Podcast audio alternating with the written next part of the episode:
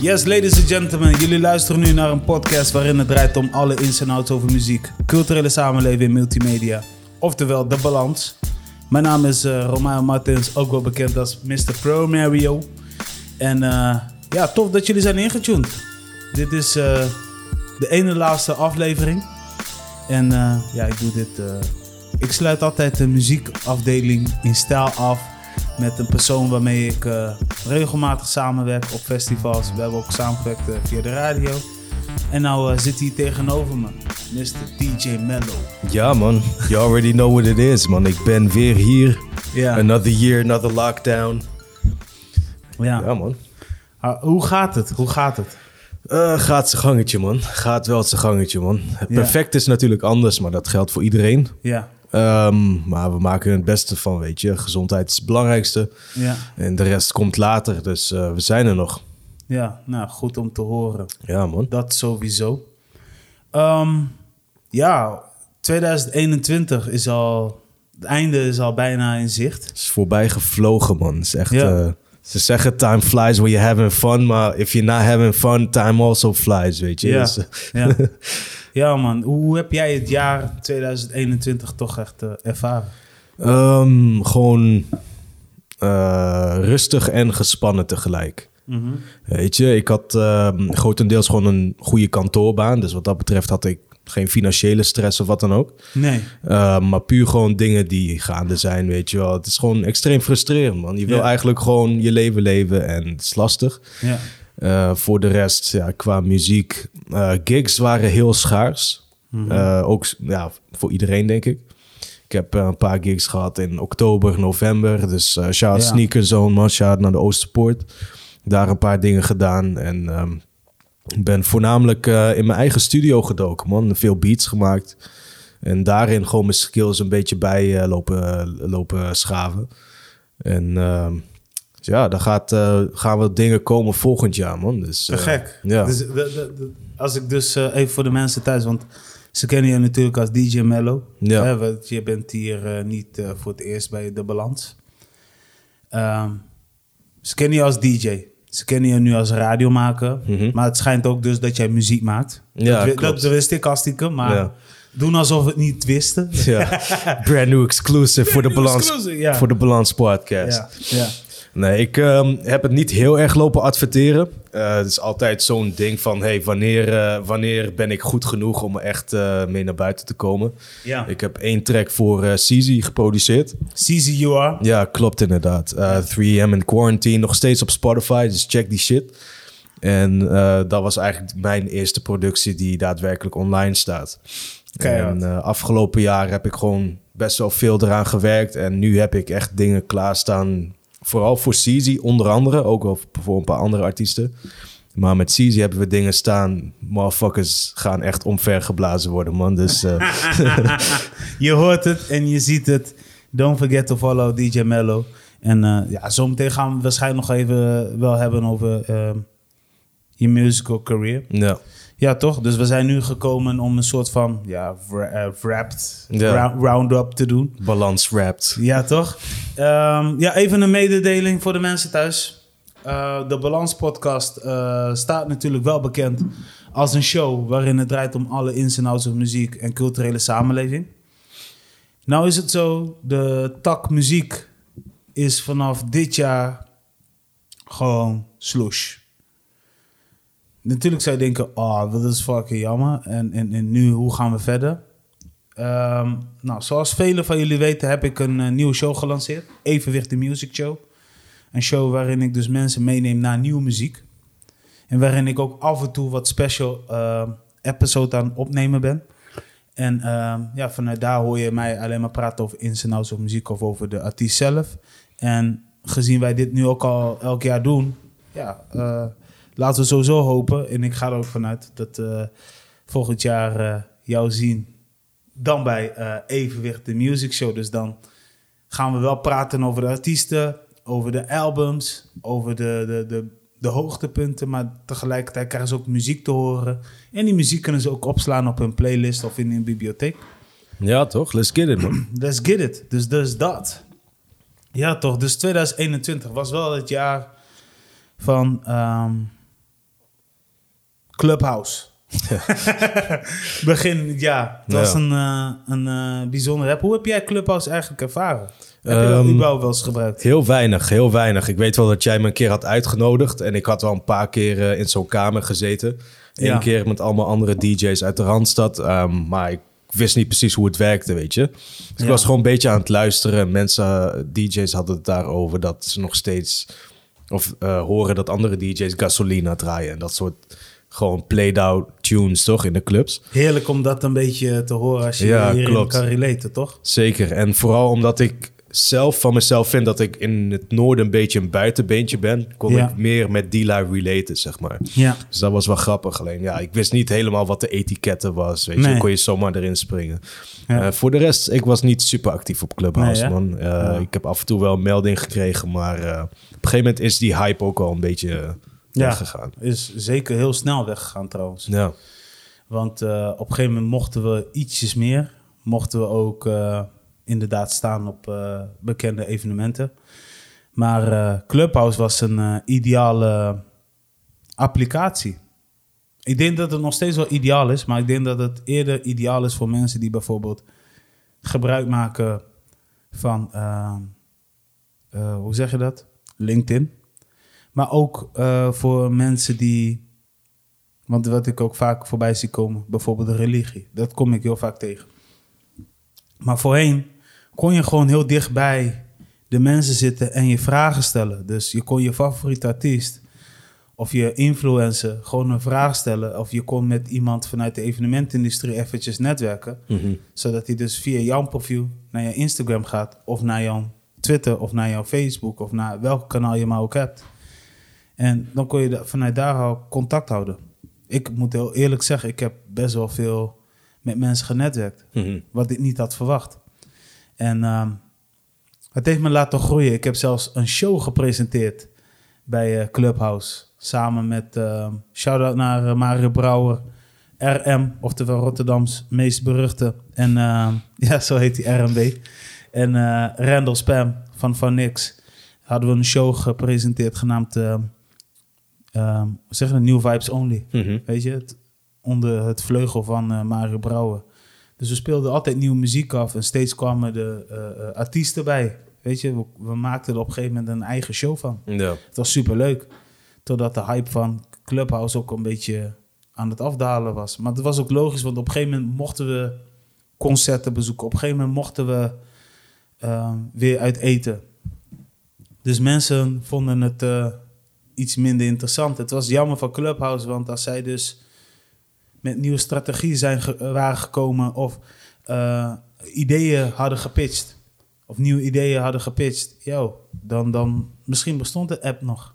Klopt voor, inderdaad. Voor muzikanten. Ja, en eh, misschien hadden ze kunnen nadenken van... Hey, hoe kunnen we dit zo aanpassen dat het alsnog relevant blijft als de wereld open is. Exact. Dat is ook een ding wat ze bijvoorbeeld met Versus hebben gedaan. Ja. Versus was ook begonnen van... hey, we zitten thuis, dit is entertainment voor thuis. Ja. Maar nu hebben ze het zo eh, naar een ander niveau gebracht... dat het is gewoon entertainment, punt. Het is entertainment, het is een, zelfs een concert geworden. Klopt, dus je kan er fysiek bij zijn of je kan het gewoon checken. En het is ook boeiend om te checken. Het is niet van, ah, er is niks beters. Het is Ja. gewoon tof om te checken. Exact, exact. En, en, en dat is het ook. Weet je, Eh, als je iets opzet, moet je er ook voor zorgen dat het blijft bestaan. Want het nadeel, zeg maar, van, om even terug te komen bij Clubhouse, was, het was tof, maar het was eerst exclusief voor iOS. Ja, Later hadden ze een applicatie gemaakt. Het voelde als een soort van mosterd na de maaltijd. Weet je, pas later kwamen ze met, oh ja, we hebben ook een Android-versie. ja. En toen was Facebook al hun voor met eh, Facebook Room. Ehm, Twitter had Twitter Space. eh, Spotify had al eh, soort van Green Room, hoe dat ook heette. Mhm. En ehm, En sowieso al die andere apps zoals Zoom, ehm, Ja. eh, Google Meet, weet je wel, Microsoft Teams. exact. Al die dingen zijn hetzelfde idee. ja. Dus heb je vaak als je, een, als je een kleine app als start-up, als dat een beetje gaande is, Mhm. al die grote giganten, die gaan dat gewoon overnemen. Ja. Weet je, of die gaan het idee jatten en denken van, oké, fuck you. Weet je? Mhm. Dus dat is een nadeel eh, van, eh, gewoon van zo'n, van zo'n app. Ja, ja, absoluut. absoluut. Ja, het- Ja, dat wel. Ja, ik moet wel zeggen dat de idee van Clubhouse nog best wel origineel was. Het was echt van, je kijkt naar een plaatje, maar je hoort iemand praten. Ja. Dus aan de hand eigenlijk al hoe iemand praat, kan die jou overtuigen of niet overtuigen. Snap je? Dus je, je, je, je, hebt geen, je hebt een beeld bij hoe die persoon misschien erbij zit of, Mhm. of wat voor stilo hij heeft. Maar je verwacht niet van zo'n persoon dat hij zo'n mindset heeft of zo. Dus- ja, Dus dat, dat vond ik wel, aan de ene kant vond ik het wel vet. Soms is het ook fijn om eerst te luisteren wat iemand zegt en dan pas kijken van, maar met wie praat ik eigenlijk? ja, klopt. Dan oordeel je daadwerkelijk op de inhoud in plaats van dat je onbewust gewoon eh, stereotypen gaat aanhouden. Of wat Ja man. Dus dat man, eh, Clubhouse, dat was het jaar van Clubhouse. Ja, Het heeft niet lang geduurd. Maar het jaar heeft ook wel mindere momenten gehad. Mindere leuke momenten. We hebben ook te maken gehad met het jaar waarin wij veel artiesten eh, rondom de culture hebben verloren. Met name in de, in de rap, hip-hop scene. Maar ook mensen die achter de schermen hebben gewerkt. Ik bedoel, eh, vorig jaar kregen we gewoon. Voordat het nieuwjaar was, de MF Doom al ja, in 2020, denk ik, iets van oktober of misschien wel eerder was overleden. klopt.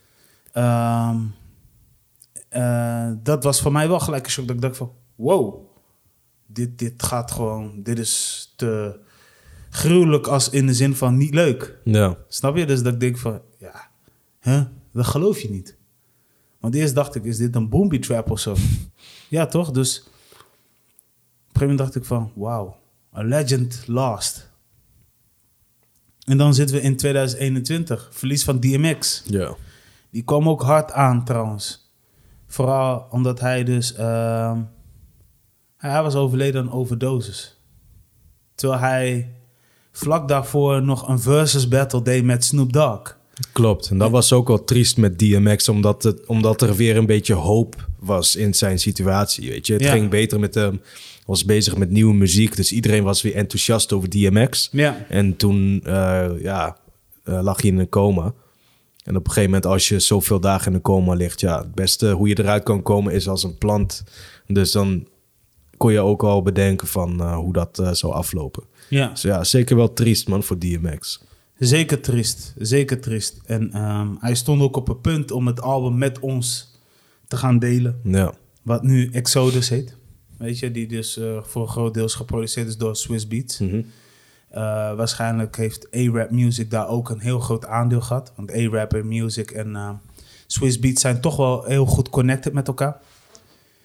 En eh, ja man, ik vond het wel een tof album. Daar kom ik misschien nog zo meteen even op terug. Ehm, de volgende persoon die wij misschien ook in hip-hop hebben verloren, is ook een legend.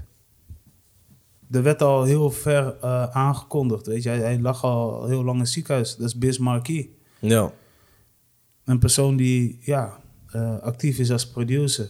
Ook een gamechanger is geweest voor veel artiesten. Mhm. Had een hele eigen, ehm, hoe zeg je dat, een heel eigen stilo. Hij was gewoon 100% zeker van wat hij deed.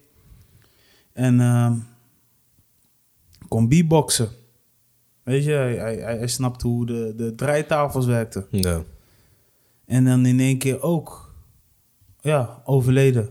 Weet je, en dan, dan denk je ook heel van, jeetje, wat gaat dit snel achter elkaar aan? ja, klopt. En volgens mij was het vlak na DMX was Black Rob ook nog overleden. Black Rob ook nog. Ja, Ja, vlak na DMX, dat klopt. Ja. De, de persoon die toch wel een heel go- goede bijdrage had geleverd voor Puff Daddy. ja, Ehm, hij was ook echt het voorbeeld van, ik denk wel, ehm, after Mace, after Notorious B.I.G., dat hij echt die sound vertegenwoordigde. Eh Deluxe had daar vroeger ook eh, sound vertegenwoordigd wat typisch Bad Boy sound is. ja, Ja, hij heeft ook meegedaan aan het nummer Bad Boy for Life. ja, klopt. Ja, maar Wow is zeg maar Wow is sowieso zijn hit. ja, dat is ook een clubhit trouwens. Voor eh, mensen die hip-hop in de jaren 2090 eh, hebben gehouden. En volgens mij heeft Lil Wayne ooit een soort van muziek van hem in een nieuw jasje gestopt. Hoe heet die nummer? Met Swiss nee, Beats. die was van eh, G-Dep. Oh, is van de G-Dep, Special sorry. Delivery. Oh ja, was, oh ja G-Dep. Ja, daar had hij inderdaad eh, met Swiss Beats een soort van remake van Ja, man. Was wel grappig, man. Ja, was zeker grappig. En ja, man. Shit, man. Rest in power, man. Ja, man. Maar ehm, ja, Bismarcky, legend. Young Dolph, man. Memphis Legend. Zo. Heel geliefd was hij daar ook. Heel geliefd. Maar hij werd daar ook gewoon neergeschoten gewoon voor, voor zijn favoriete zaak. Ja. Mensen hebben echt op hem gemunt. Wauw, man. Ja. Ja, is heftig, man. Ja, is heel heftig.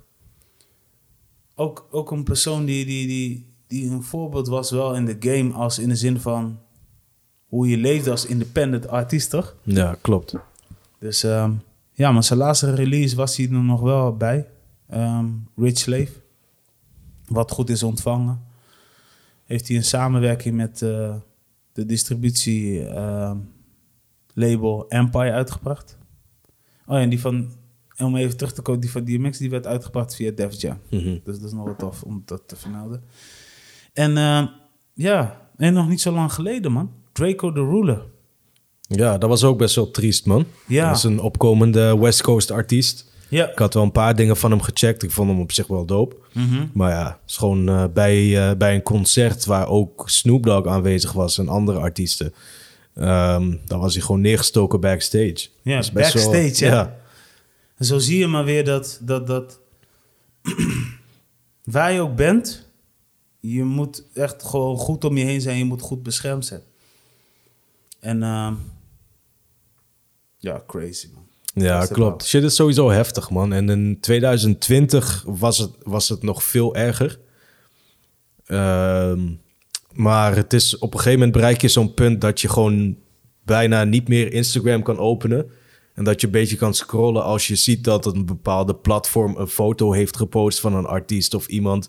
Dan ga ik gelijk al denken van, oh shit, is die overleden? Weet je, Terwijl weet in je- sommige ja. gevallen kan het ook gewoon een waarderingspost zijn of zo.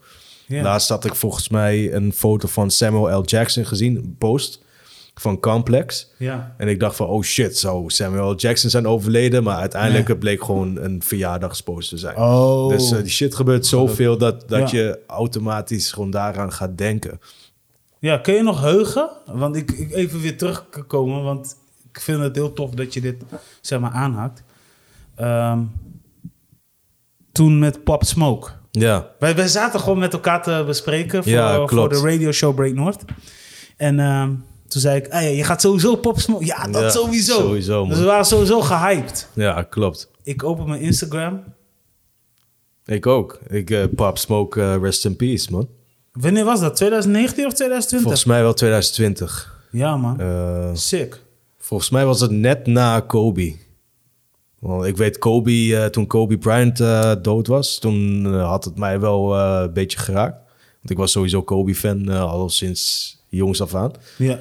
Ehm, maar volgens mij datzelfde jaar was ook Nipsey Hussle, dacht ik. Nipsey was 2019, toch? Ik weet het zo even niet meer uit mijn hoofd, man. Nee, oké. Nee. Maar ik, ik, ik, weet wel, ik weet wel wat...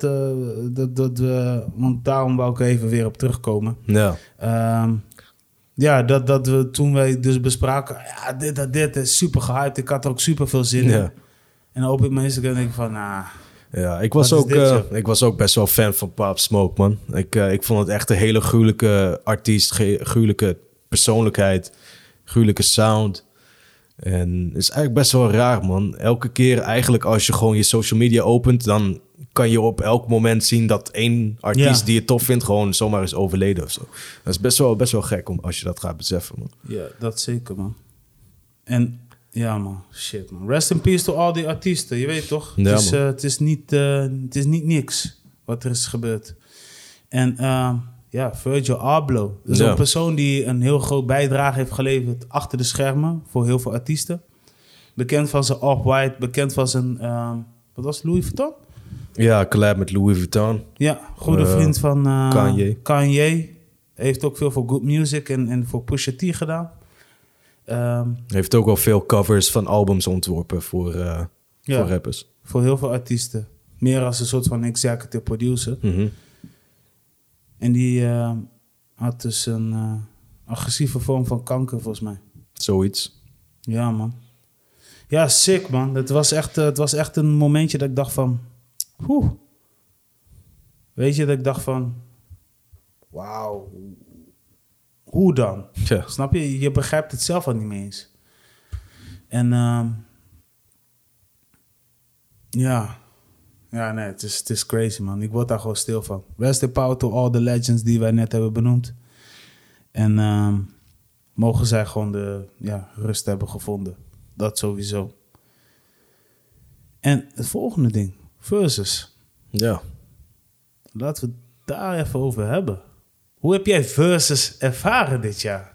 Ehm, ik vond het wel grappig, man. Ik vond het zeker wel eh, vermakelijk om naar te kijken. Tuurlijk Ja. ligt eraan welke artiesten je boeien en welke niet. Ja. Maar ehm, het is leuk om te zien dat ze wel gewoon die formule verder hebben uitgewerkt. Ja. Wat ik eerder ook al zei van... Hey, het was eerst gewoon een soort van entertainment voor thuis... en was gewoon een beetje eh, georganiseerde chaos. Ja. En nu is het gewoon volledig eh, legit evenement... waarbij je fysiek aanwezig kan zijn... maar Mhm. wat je ook gewoon online kan checken. En het is gewoon echt een show.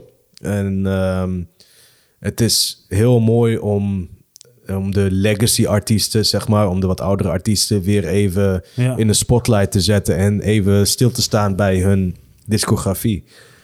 En het battle element is niet altijd meer daar, maar dat hoeft ook niet. Het is gewoon een leuke showcase. Ik denk eerlijk, het is inderdaad een showcase. In het begin deden ze het via Instagram. Ja. Vond ik op zich niet zo verkeerd, maar het was af en toe een probleem. ja. Weet je, Teddy Riley was de grootste Ja, voorbeeld. Ja, Teddy Riley wou een hele... Twee- 2020 was dat ja, volgens die mij. wou een heel orkest gewoon eh, perfect laten klinken via Instagram. En Ja. dan, eh, ja, is lastig, man. En eh, daarna had je... ehm, Ik weet niet hoe ze dat toen hebben gedaan. ja, ze zijn gaan uitbreiden. Ze hadden op een gegeven moment... Ik weet nog of ze Begonnen een tijdje ze- via Zoom hebben gedaan. Ja, via Zoom. maar Ze hebben heel veel via Instagram gedaan. Ja. En op een gegeven moment zijn zij, eh, kreeg Versus, althans Timbaland en Swiss Beats, eh, een aanbod van de social media, wat de concurrentie van TikTok, ehm hoe heet die, Thriller? Trillen, kregen ze een aanbieding oh ja, om, om een deel van uit te maken. Mhm. En toen zijn ze gaan uitbreiden van in, eh, via mekaars huis om een kleine venue te maken. Ja. Nee, het was niet eens een kleine venue. Het was Studio in, in de Wise stu- eigenlijk. studio-wise of gewoon decor. Ja. En van decor zijn zij een kleine venue begonnen. En nu doen ze alleen maar grote concertzalen. Ja. En de promotie omheen is ook alleen maar funnier geworden en leuker geworden. Ja.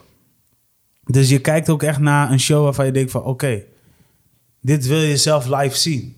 Hier wil je gewoon bij zijn. En ehm zijn hele eh, mooie battles uitgekomen. Wat ik bijvoorbeeld al mooi vond in een soort van eh, setting... eh, dat ze in de studio zaten, was die van DMX en Snoop Dogg, was in Ja. 2020. Klopt. Dat ik dacht van, wow, oké, vanaf daar wil ik nu gewoon veel meer checken. Daarvoor checkte ik ook al. Ehm, Brandy Monica kwam volgens mij daarna of zo. Ja, klopt. Dat was ook in een venue volgens mij. En, Ja. ehm, Kleine venue. Ja, ja, klopt. Ashanti en Keisha Cole, eh, die was ook wel dope. en, en die van, eh hoe heet die? Gucci Mane en... eh, Jeezy. Jeezy. Oh, jeetje. Ja, man. En dat Jeezy gewoon dacht van, oké, stop. Ja. We hebben een probleem met een geme- gemeenschappelijke vriend. Maar laten we dit gewoon weer recht trekken. En dat vond ik ehm, zo hard. Dat hij dit gewoon aanhaakte van... Weet je, we zijn nu gewoon volwassen mensen. En ja, zand erover. En we respecteren mekaars werk. Weet je, en eh, daar kon eh Gucci Mane zich wel aan relaten. En even later werd het inderdaad wat grotere venue. En dat eh, grotere venue, waar begon het eigenlijk bij? Volgens mij in Miami. In, ik weet niet of het Live was of zo, maar het was wel gewoon een best wel een fancy locatie. Ja, En toen gingen Timberland en Swiss gingen tegen elkaar. ja en even later was het Rick... Nee, Rick Ross en Dings was ook nog in... eh, Ja, dat was inderdaad nog wat eerder. Ja, Rick Ross en Two Chainz. Die was niet zo succes trouwens. Ik vond hem niet zo, zo denderend. Mm, Was wel, was wel, ik weet niet meer precies. Ik, eh, ik kan me zo even niet meer herinneren, man. Maar was eh, in ieder geval in de periode dat er nog geen publiek bij was. Dat hadden ze inderdaad gewoon in een relatief kleine studio hadden ze die gedaan. Mhm. Eh, volgens mij was het de eerste keer dat ze echt voor publiek deden toen Timbaland en Swiss Beats tegen elkaar gingen. Ja, man. Dus eh, ik weet het niet meer wanneer het was. Ja, eh, ja toen Timbaland en Swiss Beats met elkaar gingen battelen. Daarna kwam Bow Wow en Soulja Boy. Oh, ja. Trina en Eve hebben ertussen nog gezeten. Ja, ik zit, mij hier heb ik die gewoon geskipt, man. ik zit gewoon niet, ik zit hier gewoon, ehm, ik zit hier gewoon te kijken op de Ja. feed, hoor. Ehm, ja, die van Soulja Boy en Bow Wow was ook wel ehm, boeiend. Als in de zin van, daar werden de beef tussen Romeo en Bow Wow even weer bijgelegd. Mhm. Puur uit een soort van respect. Bobby Brown en Keith Sweat, die vond ik ook hard. Die heb je ook overgeslagen, zeg maar. Eh, ja, ik was vergeten dat hij er was, man. ja. toch? Dus eh, het was wel echt. eh, Kijk, dat vind ik mooi aan, aan hun. Tenminste, aan, aan, aan Versus.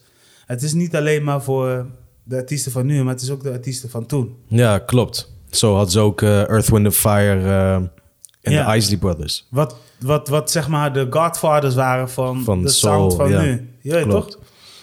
En ja, en ehm, Versus was pas aan op het moment dat de Locks tegen Ja, tegen, tegen Dipset. Dipset, Dipset mensen, man. Jeetje. Wauw. Dipset dacht van, hey, we gaan met... eh, we we gaan rustig een beetje We chillen. gaan rustig, we Ja, gaan toch? chillen. En eh, ja, wij, wij winnen wel met onze swag. Ja, klopt. En Jadakiss, Ik dacht van, nee man, P. wij en komen om te Ja, spitten, man. spitten, man. spitten, spitten. En Jadakiss sprong er echt uit. Want die heeft echt geleerd van de vorige keer... Ja. dat hij een beetje dronken was. Ja, klopt. Ja, tegen Fabulous. Maar eh, dat is misschien wel de best eh, versus die is georganiseerd. En vanaf toen zijn mensen probeerden hun te evenaren, wat er niet is gelukt. Maar het was wel, het was wel interessant om naar te kijken. Want mensen gingen op een gegeven moment gewoon hard hun best doen om een show te geven. Fat Joe deed het nog met, eh met eh, Ja Ja Rule. Rule. Ja. Ik vond heel persoonlijk ehm, leuker geweest als Ja Rule tegen 50 Cent moest. ja, maar 50 wou dat niet, man. Ja, Eh, ze wouden verschillende mensen tegenover 50 zetten, maar 50 heeft zoiets van, fuck deze shit, man. Ja. Hij wou niet eens tegen T.I., hij wou niet tegen Rick Ross. Hij wou alleen tegen Snoop, volgens mij. Snap ik. Ergens wel, maar aan de andere kant heb ik ook zoiets van... Jij en Rule hebben wel de, De gekste ervaring. Dat had ik nog wel eh, toffer gevonden. Ja, op zich ook wel inderdaad. Zeker als het eh, een beetje hadden bijgelegd. Het ding was, eh 50 had ook aangegeven van... Hey, hij heeft verschillende keren geprobeerd om het bij te leggen met Murder Inc. Zij wouden dat niet. Ja, maar ik En- moet ook zeggen dat die Earth Guardy ook super vervelende guy is. Ja, klopt. Terwijl 50 is nu wel cool met Fat Joe bijvoorbeeld. Ja, en met, en met eh Jadakiss. Jadakiss ook. Ja, Dus het kan wel. En met Nas ook, want daar had hij ook beef mee. klopt. Eh, JC ook. Nee, JC viel nog wel mee, maar JC snapte wel wat hij deed. Mhm. En ehm, ja man, en About 50, laten we daar ook gelijk een bruggetje bouwen. Jeetje, wat kan die series creëren, toch? Hey, ik denk dat 50 eh, een, eh, een nieuwe inkomen, inkomstenbron heeft gegenereerd voor een hele lange tijd, man. Ja, maar ook gewoon ehm, nieuwe inkomsten gegenereerd voor mensen ehm, uit de culture, man. Ja, klopt. Dat is ook wat Denzel Washington... Volgens mij laatst werd hij ook een keer gevraagd in een interview. Dat Denzel Washington eigenlijk aangaf... want die mensen begonnen in één keer met vingertjes te wijzen van... ja, weet je... eh, waar het op neerkomt, white black. Mhm. En hij heeft gewoon gegeven... dit is gewoon de culture. Ja. Het zijn gewoon goede mensen. Het zijn creatieve mensen. Die willen ehm, al te graag ehm, hun kant laten zien. Je weet toch? En daar had ik wel zoiets van... Yeah, facts man. Dus, dus eh, ja, 50 heeft het eh, echt eh dope gedaan. Klopt inderdaad. En sowieso het casten is echt heel goed gedaan. Als je kijkt naar Book 2, eh, Ghost, maar ook Book 3. Ja, even, even voor de mensen thuis die het niet weten. 50 Cent heeft zeg maar... ehm, want er zijn ook mensen die hem helemaal niet volgen. 50 Cent eh, is eigenlijk eh, na zijn Animal Ambition... een andere ambitie gaan doen. Is hij meer gaan verdiepen in het zelf produceren en maken van series. Hij heeft ook al in films gespeeld. Ik denk dat daar ook de inspiratie vandaan komt. En hij begon eigenlijk al met Power. Power was zijn eigenlijk first thing samen met Courtney Camp. En dat heeft hij zes jaar gedaan. En na die zes jaar is hij begonnen met eh, de spin-offs. Dus de Powerbook. eh, Van, het begon vanaf Powerbook 2 tot aan Powerbook Force. Force moet nog komen. Ja. En ehm, ja, man. En ondertussen heeft hij nog een eh, serie gemaakt. Wat gebaseerd is op waar gebeurd verhaal. Van eh, de familie BMF. Dus ja, 50 joh. 50, 50, 50 is echt, eh, is echt klaar, man. Ja, man. En het is ook, hij doet het echt zo goed. Ik snap niet hoe hij dat doet, maar eh, je blijft gewoon gekluisterd op de bank zitten, weet je. Ik heb met geen enkele andere serie heb ik dat gehad dat ik het zo spannend vind dat ik gewoon de hele tijd op het puntje van mijn stoel zit en Ja. eh, alles van de casting tot het verhaal en natuurlijk af en toe in seizoen 5 of 6 van Power had je zoiets van oké, dat gaat wel een beetje te ver, dus te fantasierijk. Maar eh, hoe er is gecast in book 3 bijvoorbeeld Raising Kanan, nou, dat is gewoon echt perfect, weet je. Die jonge Kanan, die lijkt echt best wel op 50, op een Ja. jonge versie van 50. En veel ehm, acteurs en actrices die ken je niet per se, maar het lijkt echt alsof ze geknipt zijn voor die rol die ze spelen. Eh, natuurlijk heb je wel de headliners zoals Mary J. Blige of dat soort artiesten die, of ehm, artiesten, zij is artiest natuurlijk, onder andere, maar ook andere acteurs die je wel ergens van kent, maar sommige acteurs die ken je niet per se, Nee. maar ze zijn wel gewoon perfect voor die rol die ze spelen en dat is gewoon echt eh, top-notch casting, man. Ja, toch? Dus eh, ja, nee, dat was voor mij ook wel echt een, eh, een serie waarvan je, waar je u tegen zegt. Ja. Al die series wat hij nu tot nu toe heeft uitgebracht. En het vriendinnetje van Tariq is ook echt eh, heel goed gecast. eh. Oh, je bedoelt die dochter van DMX? ja, ze is eh, goddaughter hè, van DMX. Goddaughter. Ja, peetdochter. Ja, ja, Goddaughter. Maar I'm just saying, je weet toch? Dat Ja. zijn voor de mensen die het niet weten. Dus eh is mooi, man. Zeker mooi. Ja, en, en, en hoe... Ja, Power, man. Power Force. Dus die komt dus in 2022. Klopt. Ergens in februari, man. Ik heb er echt zin in, man. Tommy is echt een gruwelijke, gruwelijke character, man. Dat is de beste character die ze hebben. Vind ik wel. Maar ik vond eh, Omari vond ik ook wel tof. Ja. Dus eh, eh, Ghost. Maar ik vond het ook wel heel goed eh, van hemzelf. Dat hij ehm, afstand heeft genomen van dit. Om zich weer te focussen op andere dingen. Ja. Het moest zo gaan, want een, een seizoen 7 had wel tof geweest. Maar dan was het weer te gemaakt. Geforceerd, ja. De koe was leeggemoken, man. De Ja. koe was leeggemoken en ja, breng het gewoon naar het slachthuis, man. Ja, ja, ja. Dus, eh, dus ik vond dit een eh, perfecte. Ja. Een hele perfecte. Dus, En het is ook heel tof dat je die spin-offs hebt. Want aan de ene kant, jouw favoriete serie, je wil dat het eindeloos doorgaat. Maar op deze manier krijg je wel iets van je favoriete serie. Zonder het te forceren en dat de kwaliteit Ja. omlaag gaat. ja. Dus wat dat betreft, eh, die hele, dat hele idee met eh, verschillende spin-offs vind ik perfect. En weet je wat ik ook doof vind? Powerbook 2. Ja, ja zeker. Ehm Method Man. Ja, ja. Davis McLean. En de broer van Method Man. Ja. Redman in één keer. eh, Ja, Redman speelt er ook. Ik vind dat gruwelijk. Ja toch? Ik denk van ja man, Red en Math. Ontkom je niet aan. Nee, klopt. Dus ik eh, ben benieuwd wat, het, dat, wat, wat, wat de uitbreiding is straks. Maar eh, ik heb er wel heel veel zin in. Ja, zeker man. Ja. Dus eh, I'm looking forward, man. Looking forward. Power. Ik, als je het nog niet hebt gecheckt, go check it out. Ga lekker binge-watchen. Het zijn zes seizoenen. Gruwelijke afleveringen. Elke aflevering duurt dik 40 tot 60 minuten. Dus eh, het is echt de moeite waard. Dus dat. Ik vind het jammer dat Kendrick Lamar niet meer terug is gekomen. Ja, hij had inderdaad... dat ook niet eh, jammer? het, hij had wel een bijrolletje in, ehm, in één seizoen. As a rabbit. Ja, als, ehm, als een zwerver.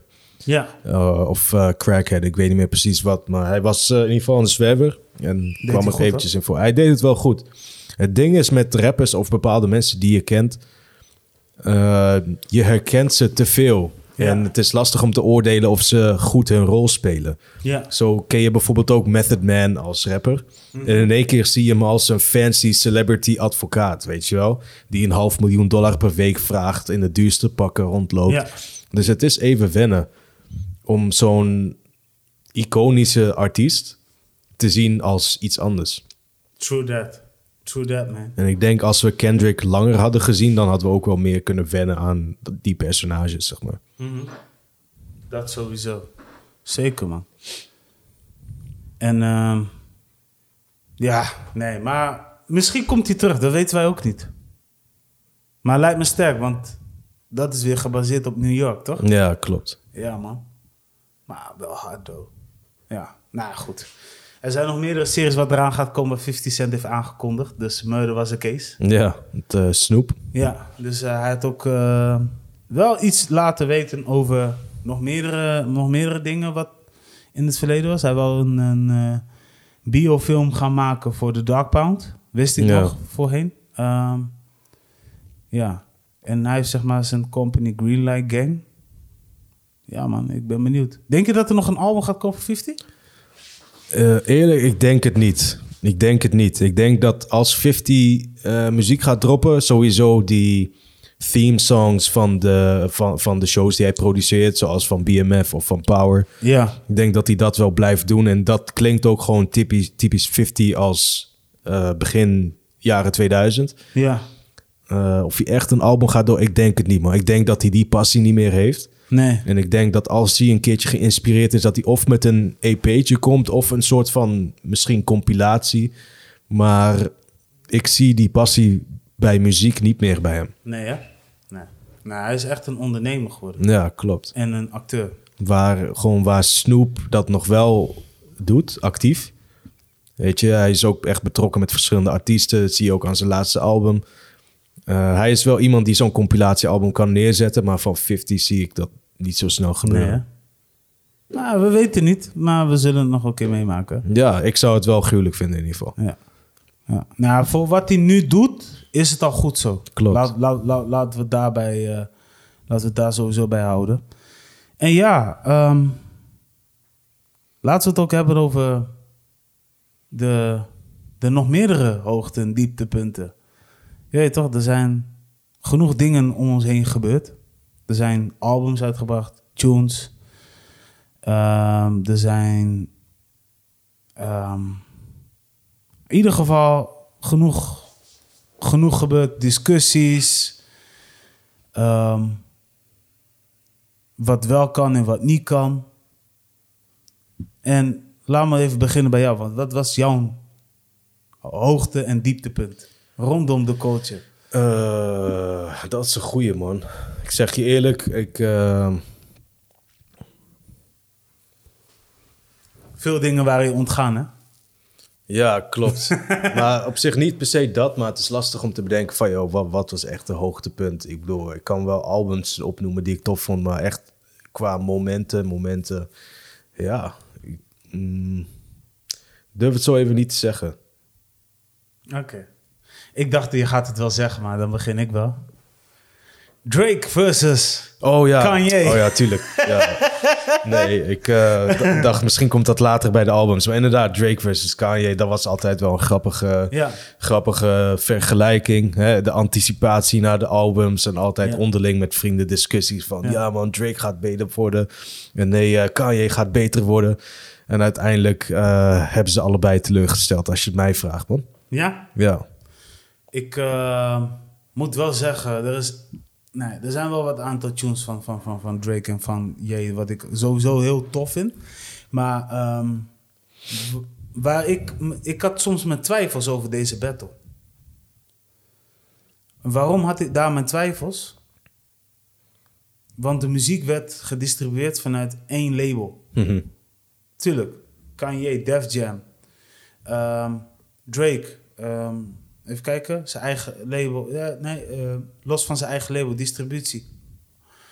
Nee, eh, Republic Records. Je Ja, weet maar toch? distributie werd volgens mij door hetzelfde bedrijf gedaan. Ja, dat is Universal. Ja. En ik had zoiets van... Oh, er is nu een soort van gaande, dit, dat, dit. En hun vangen hierdoor dus Ja, meer klopt. promotie en money. En ik had echt zoiets van... Ik heb hier geen zin in, heel eerlijk gezegd. Ik heb zin om te luisteren naar de platen. En ehm, eh, in het begin dacht ik leuk, maar daarna dacht ik, ja, weet je, nu zitten jullie een ticketje te spelen. Tikkie, jij Ja. bent. Nee, Tikkie, jij bent. Totdat eentje wint. Als in de zin van, ik tik jou en nu wordt je album gelekt. En dat was dus Kanye. Ja. Dus Universal heeft het per ongeluk gelekt. En Kanye Niks zegt- per ongeluk, man. En die, die mensen die, eh, en- die en weten je- wat ze doen, man. En jij zegt gewoon van, ja, ik heb eh, Universal niet het opdracht gegeven om uit te brengen. En daar was hij best wel link. Die mensen, hun eh, computers, die zijn echt wel zodanig beveiligd dat iets niet zomaar kan lekken, tenzij het bewust Ja, willen lekken, Ja. weet je. Dus eh I don't buy that. ik ehm, vond het album van Kanye, vond ik wel tof. Alleen wat ik ehm, jammer vond, het waren te veel nummers. Maar ik snapte wel waar dit vandaan komt. Weet je, want hij was wel... Aan, aan dit album kon ik weer horen van... Yo, jij bent gewoon professor Einstein. Nee, eh, Beethoven. Eh, maar dan als een hip-hop persoon. En ik had echt zoiets van... ehm, oh, de kamer ging uit. Maar ik had echt zoiets van... hmm, ja, weet je, eh, het was iets te veel van het goede. En ik kon me ook echt aan storen dat er geen featuring stonden. Weet je, dat je niet kon lezen van wie heeft hier een bijdrage geleverd. Als, als, als artiest, je kon alleen maar zien van wie heeft meegeschreven. En er stonden gewoon volledige namen. Ja, het was voor mij wel even puzzelen. Dus ik ging wel door het album heen en ik had zoiets van 35 albums. Jeetje. Weet je, dat Ja. vond ik al heel veel. En, ehm, maar ik vond het wel, eh, qua productie-wise, vond ik het wel heel sterk in elkaar gezet. En ehm, hij had het moeten halveren. Of hij, hij had gewoon de helft van de album, van de songs, had hij moeten releasen. En de andere helft had hij gewoon eh, weer moeten releasen, maar dan in een ander vorm, in een Ja. ander jasje. Ja. Maar goed, dit is hoe hij zich bij voelde. En dit heeft hij zo uitgebracht. Kijk, hij kan dat. Hij heeft een hele grote invloed in de culture. Ehm, mensen geloven hem. Mensen houden van hem. Mensen, hij heeft gewoon een vaste publiek. En dat heeft Drizzy ook. Ja, klopt. Alleen er zit sowieso twee verschillen in. Kanye die is meer gebaseerd op muzikaliteit. Drake is meer gebaseerd op ehm, op eh, ja, hoe moet ik het zeggen?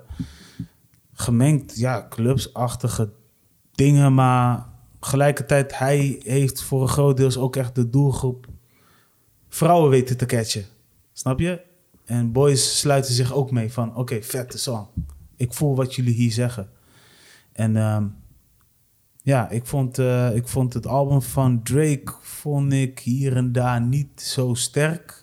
Dat ik dacht van, ja, je bent nog... Het, het, het, het, het voelde als een soort van template of zo. En terwijl ik zoiets had van, ja, kom op man. Jij maakt zo'n gruwelijke campagne over Certified Loverboy. Die heb ik al gezien in december. Je stelt het uit. Je previewt songs. En aantal van die previews kwamen niet naar voren.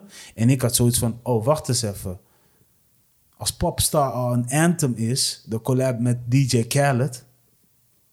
Want die werd uitgebracht via OVO Ja. en ehm, We The Best. Ik dacht, oh, deze, een van die... Een, er moet sowieso wel... Deze song moet wel op het album komen. En dan zie ik zo'n gruwelijke clip met Justin Bieber. denk ik, ja man, dan heb ik er zin in. De aanloop na het album had ik er... Maar daarna dacht ik... Nou, vond ik ook wel een beetje teleurstellend. Ja. Dus ehm, Drake of Kanye West... Ze zijn beide even goed. En je kan ze beide niet vergelijken. Dat is hoe ik erover denk. Hoe denk jij erover? Ja, het is sowieso appels met peren vergelijken. En om terug te gaan naar Kanye. Kanye kan doen wat hij doet omdat hij Kanye is. Als hij een drol eh, opneemt in zijn microfoon en dat brengt hij uit...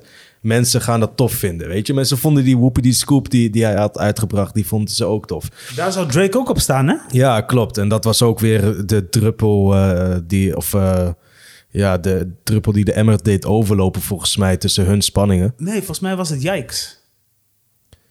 Um, dat was dat album van Kanye, um, die J heet, of nee, um, iets met uh, bipolair en nog... Ja, ja. Je, je weet welke ik bedoel, Mm, ja, toch? klopt. Ik ga hem nu ook even erbij pakken. het was dat album, want, hij, uh, want Drake stond op Yikes en hij heeft ook uh, meegeschreven aan het album. Ja, Zijn klopt. naam werd niet benoemd, maar dingen kwam er wel in terug. Nicki Minaj. Mhm. En dat vond hij dus ook wel weer storend. De, het album heette J Ja, in 2018.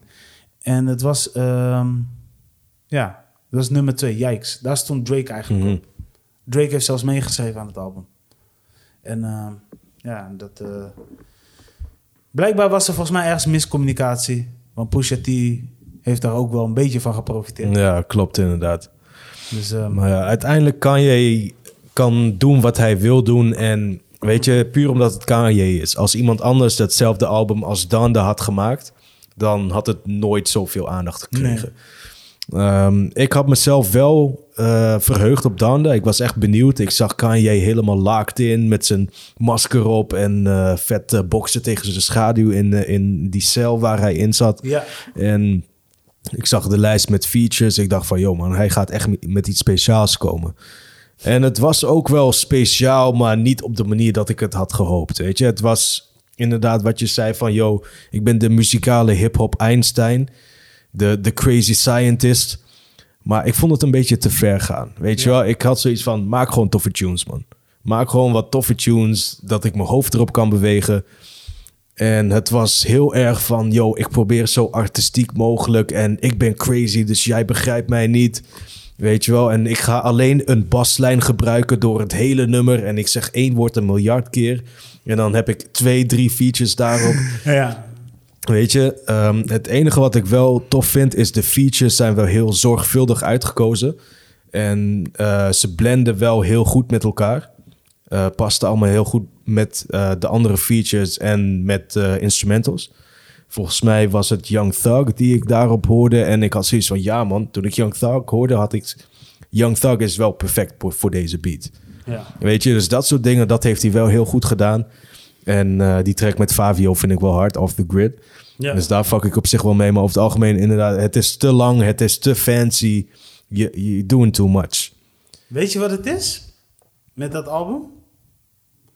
Dat album moet je alleen horen wanneer je in een grote concertzaal zit. Ja, klopt. Daar is die voor gemaakt. Ja. Tenminste, als ik die video zag en wat voor fragmenten er voorbij kwam. En hij was altijd gedurfd. Hij durfde gewoon mensen neer te zetten die eigenlijk uh, uh, hele uh, vervelende dingen hebben gezegd op social media. Zoals Marilyn Manson en The Baby. Mm -hmm. Yo, dat was wel gedurfd. Ja. Snap je? Hij durfde dat. Ja, 50 Cent support The Baby ook. Dat weten mensen ook. Maar uh, los daarvan, iedereen had zoiets van... Ja, daar, daar, daar heb je die... Daar heb je die uh, uh, halve koe die ja. eigenlijk vrouwen soort van bijna drogeert of misbruikt. En de ander die homofobe tekst naar buiten heeft gebracht. Ja, daar valt wel iets voor te zeggen. Je weet toch, maar mensen hadden niet verwacht dat Kanye hun naar voren zou brengen. Ja. En ik had echt zoiets van, toen ik dat zag, dacht ik, ja, het is, ja hij gooit een statement. Er zit iets meer achter. Dat weten we niet. Ja. En ik vind het wel weer tof, want hij is wel weer naar Drink Champs geweest. En bij Drink Champs kwamen veel dingen op zijn plek. Over het album, uh, over wie hij is, waarom dit soort dingen vaak gebeurt, life lessons. Dus sowieso, Kanye uh, is beter voor de media binnen de culture. Er zijn mensen die kunnen buiten de coach interviews doen of, of, of te gast zijn. Maar Kanye is beter voor, ja, dus Drink Champs of uh, uh, die Morning Club, um, The Breakfast, Club. ja. Um, hij zou ook nog best wel goed kunnen zijn voor Joe Budden podcast bijvoorbeeld. Dat daar, want mensen houden rekenschap met hem op dat moment. Mensen weten niet per se dat hij zielig is, maar mensen gaan hem niet. Uh,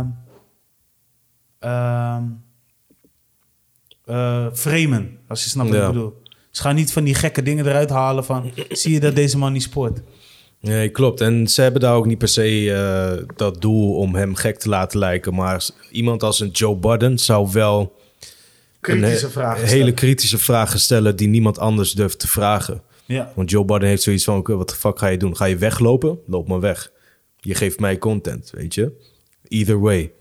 Dus eh, Joe Budden is wel echt zo'n iemand die volledig de diepte ingaat als het op een interview aankomt. maar ik denk dat Ehm. kan je sowieso blijven zitten als hij tegenover Joe Budden zit. Ja, dat geloof ik ook wel. Maar eh, hypothetisch gezien, wat het, wat het ergste is wat kan ge- eh, gaan gebeuren. Ja. Dat hij boos wegloopt, zie ik hem op zich wel vooraan. Maar ik denk het niet, weet je. Nee, maar als je, als je bijvoorbeeld kijkt naar... ehm, als jij bijvoorbeeld kijkt naar wat Noriega wel eens stelde qua vragen. Dat was ook van, oeh, Risky. risky. Maar ja, Noriega zoekt ook door maar Noriega brengt nog... Die kijkt niet altijd zo serieus. Of, Nee, klopt. Hij brengt het wat luchtig. Plus, ze zijn daar allemaal aan het drinken en zo, Ja, weet je ja, wel. Dus, dus, eh, dus dat. Maar goed, ehm, ja, ja, dat, dat, was eh Donda en dan eh, Certified Lover Boy. Ja, wat moet ik daarover zeggen, man? Ik bedoel... eh, Jouw, eh, jouw twin. je twin. Ja, als ik een euro had voor elke keer dat ik de Drake of de DJ Khaled vergelijking eh, kreeg. Maar. Ehm, ja, in het kort was dat ook wel een teleurstelling, man. Ik kan me nog herinneren van, ik ging die dag naar de gym. En ik had zoiets van, ja man, ik ga gewoon fucking PR's breken, weet je wel. Ik, ga, Ja, ja, ik had mijn pre-workout genomen, ik ging naar de gym.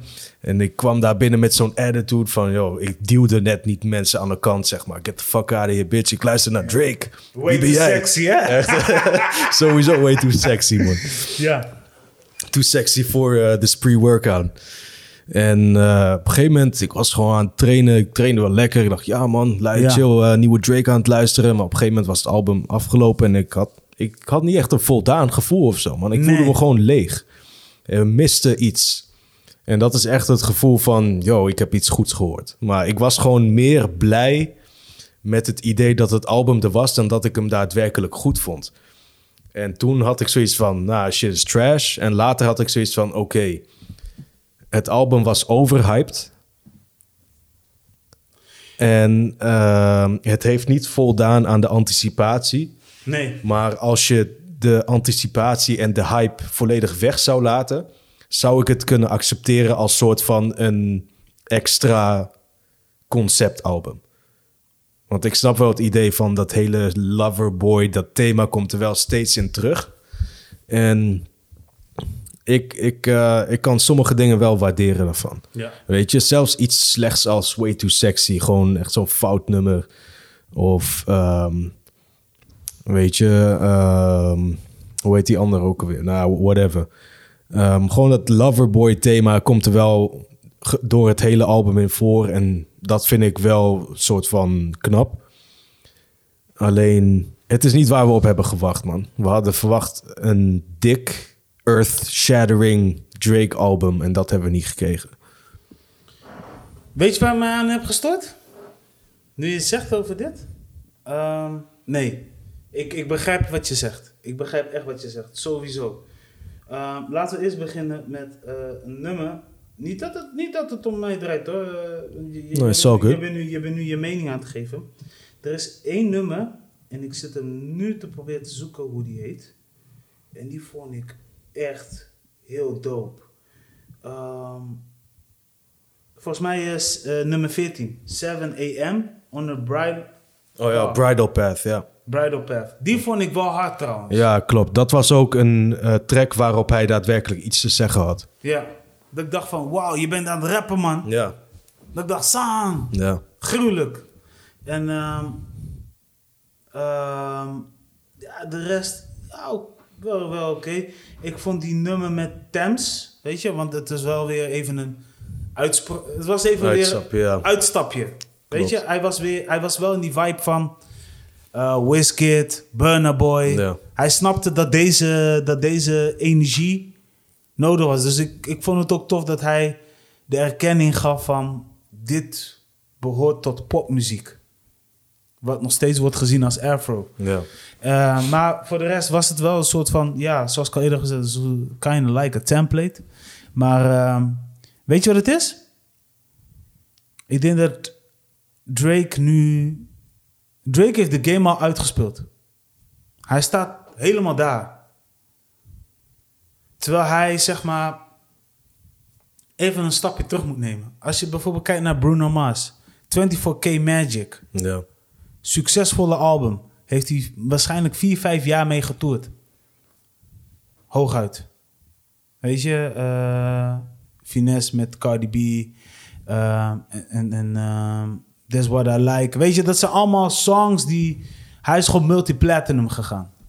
Maar als je hem weer hoort bij Silk Sonic met Anderson Paak, Ja. heeft hij toch wel weer waar hij was, had hij wel zoiets van: ik ga weer terug naar waar ik ben begonnen. Dat doet hij wel met Anderson Park, maar los, los van een collab of geen collab, hij heeft zijn moment weer gevonden. En hij is weer boeiend geworden. Snap je? Dus nummers zoals een skate Ja. wordt gedraaid op de radio. Dus eigenlijk brengt Bruno Mars ook nog eens ehm, Anderson Park mee naar de commerciële wereld. Maar natuurlijk ook wel met dank aan Dr. Dre. Ja, dat sowieso. Dre, Dre snapt hoe de commerciële wereld werkt. Ehm, maar ehm, als je zo bekijkt, die twee, die, ja, weet je, want Anderson Park heeft ook zo'n hoogtepunt gehad voor de nieuwe soul waar hij, hij even in zat, terwijl hij net op coming was. Mhm. Ja, Bruno Mars, zoals ik eerder heb gezegd ook. En die twee hebben elkaar gevonden en moet je kijken hoe dat, wat, eh, wat het album heeft gedaan.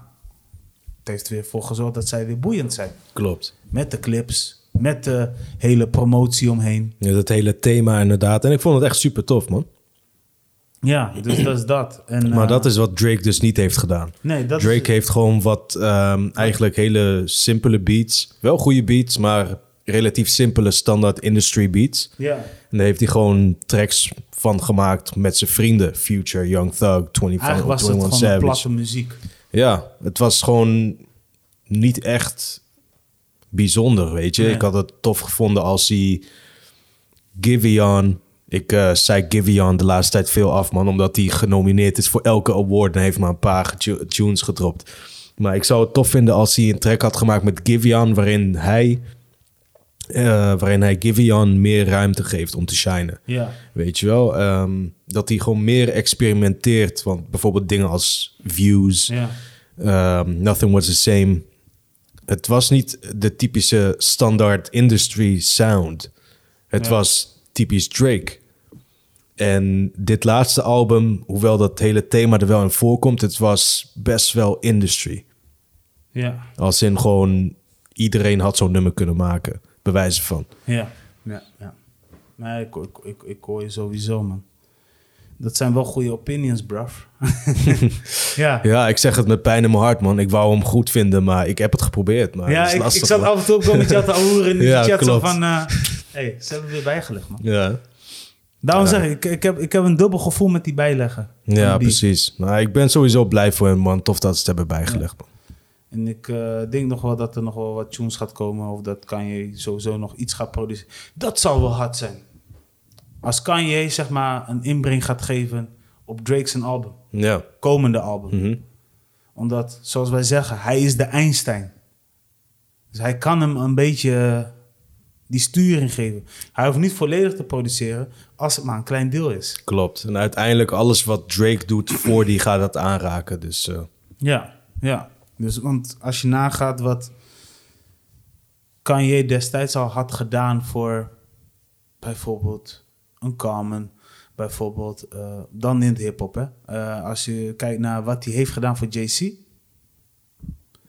Hij heeft JC wel grotendeels ook geholpen. Weet je, eh, als je luistert naar Black Album. Tuurlijk zit Neptunes, tuurlijk zit Timbaland erin. Maar als je nagaat Watch the Throne. Ja, de was, genialiteit qua productie, dat is gewoon J. eh, klopt. Snap je? En hij heeft, hij heeft gewoon JC meegenomen. JC heeft daar op een gegeven moment wel weer die draai gevonden om de Holy Grail-achtige muziek te maken. En daarna is hij met No ID eh, gaan werken, wat dus Kanye West mentor is. Mhm. Dus dat is wel weer mooi om te zien. En waar ik me ook echt aan heb gestoord, en dat is het laatste wat ik nog wil zeggen over Drizzy Drake, want het lijkt wel alsof we 15 minuten over hem praten, is die promotie, man. Weet je? Hey, die en die staat op het album. En toen stond op, hey New York, de Ja. GOAT staat op het album.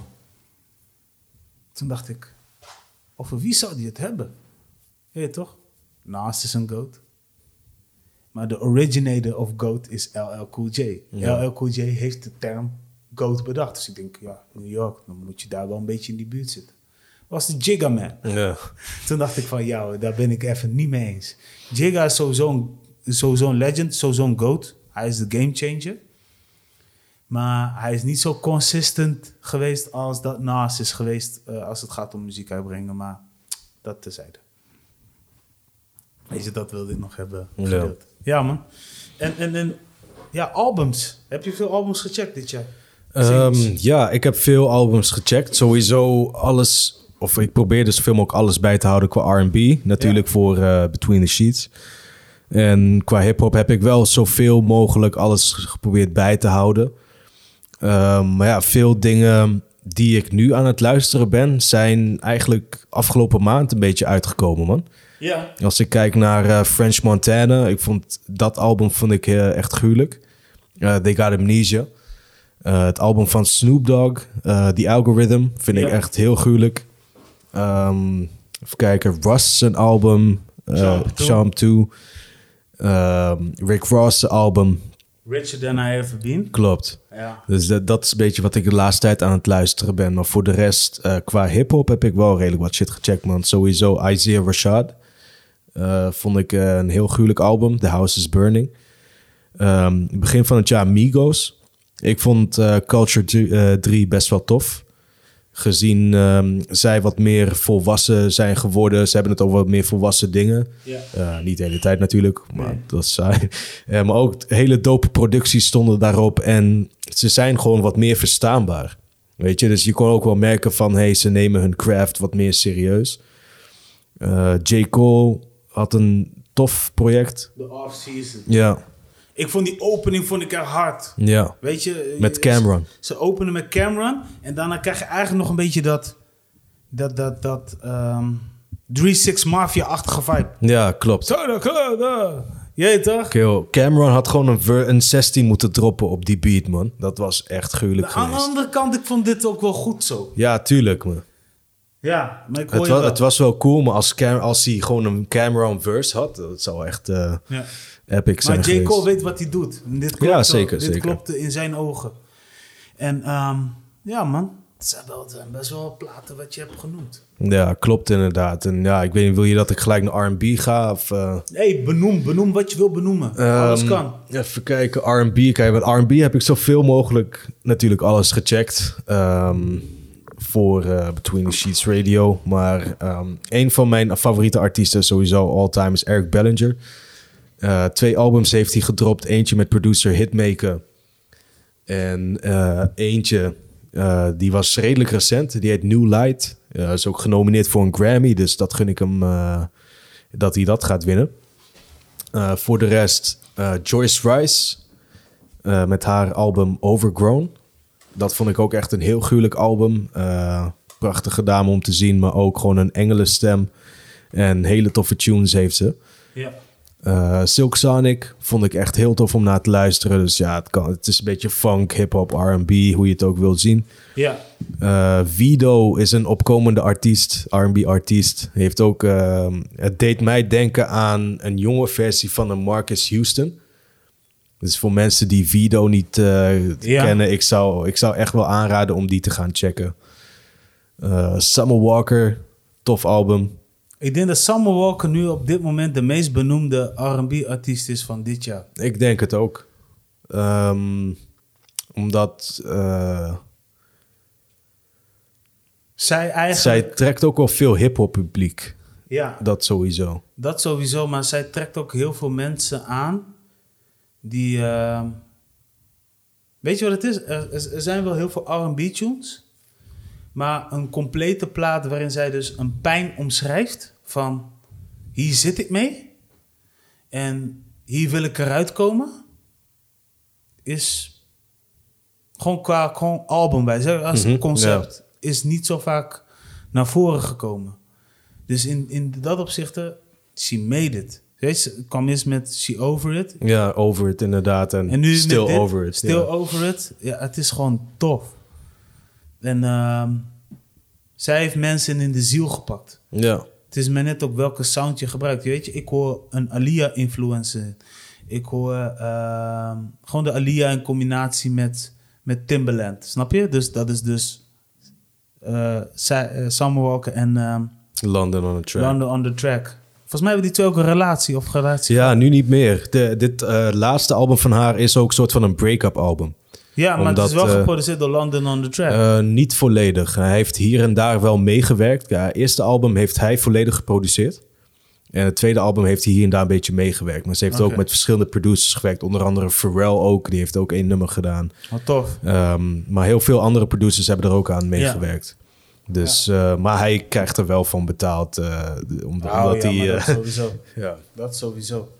En welke artiest ik ook nog wel ehm, wil benoemen, maar best wel underrated, is Rotimi, man. Oh ja, Rotimi. Rotimi. Ja, klopt. Dre van Power. Voor mensen die de serie Power checken. Hoe ging je daarop? Ik, ik ging er echt lekker Ik vond hem ook wel tof. Ik vind dat Rotimi... Kijk, Rotimi wil meer ehm, in touch zijn met zijn roots. Hij is een Ja. Nigeriaan en hij wil graag meer eh, afro maken. Het klinkt heel tof. Eh, alleen ik vond Rotimi toffer toen hij R&B maakte met Jeep Music bijvoorbeeld. Eh, nu heeft hij wel een beetje een combinatie van beide gedaan. Een beetje afro, een beetje R&B. Eh, en ik kan het wel waarderen, man. Ik eh, vind het eh, best wel dope. Dus Ja. geen klachten wat dat betreft. Nee. Zeker een toffe plaat heeft hij neergezet. ja, nee, die vond ik sowieso tof. En ehm, Her Back of My Mind. Ja, En sterke plaat. hele sterke plaat. Kijk, de volgende artiest die ik ga noemen, she's a queen. Snap je? Zij, laten we zo zeggen, zij vertegenwoordigt nog steeds R&B, maar ze is ook for real een popstar. Ze speelt zelf muziek, Alicia Keys. Ja. Die heeft dus eh, het album Keys uitgebracht. Wat eigenlijk voor een deels in rekening is gebracht door Swiss Beats. Vooral de... Want hij heeft, zij heeft twee versies. Ja, originals en eh, originals Unlocked. en Unlocked. Dus de originals is dus grootdeels eh, eh, eh, door Swiss. Maar de Unlocked is dus voor een groot deels door Mike Will Mike Will made it, ja, klopt. Dat ik dacht van, wauw. Ik hoor weer hetzelfde vibe, maar dan weer in een andere sound. Dat ik dacht van, zo'n album is ook nog niet zo snel gemaakt. Klopt inderdaad. Ik was zelf wel meer fan van de Unlocked versies. Ik Ik, hou- vond- ik hou toch wel meer van wat meer beats en zo. maar- Ik vond eh, alleen de eerste nummer van Originals vet. Rest was Unlocked. Ja, Ja, maar dan komen we ja, met Pusha T, toch? ja klopt. En ja, goed, eh, je hoorde gewoon die zware hip-hop invloe- inv- invloeden erin. En een persoon, ja, dus Alicia Keys is sowieso een goede album. Ehm, Bryson Tiller, Anniversary eh, Deluxe version, die kwam eigenlijk al begin dit jaar. Lucky Day, de nieuwkomer. Ja, Table for Two. Lucky Day, daar ga je veel van horen nog. Eh, Lucky Day gaat een van de grootste artiesten worden in R&B komende tien jaar. En negeer Blast niet, hè? Nee, Blast is ook al... Blast is een G, man. Blast is, eh, eh, is ook is echt, vibe, man. is echt dope. Ja. Blast is echt dope. Hij maakt echt wel gewoon vibey nummers. Veel voor de chicks. Ja. En eh, ik fuck daar wel mee. En wie ik ook hier nu zie voor mijn scherm, Jane Aiko. Ja, Janae Aiko die heeft Aiko, volgens mij sorry. nog een deluxe versie van haar, oude, van haar eh, Chilambo eh, Ja. album uitgebracht.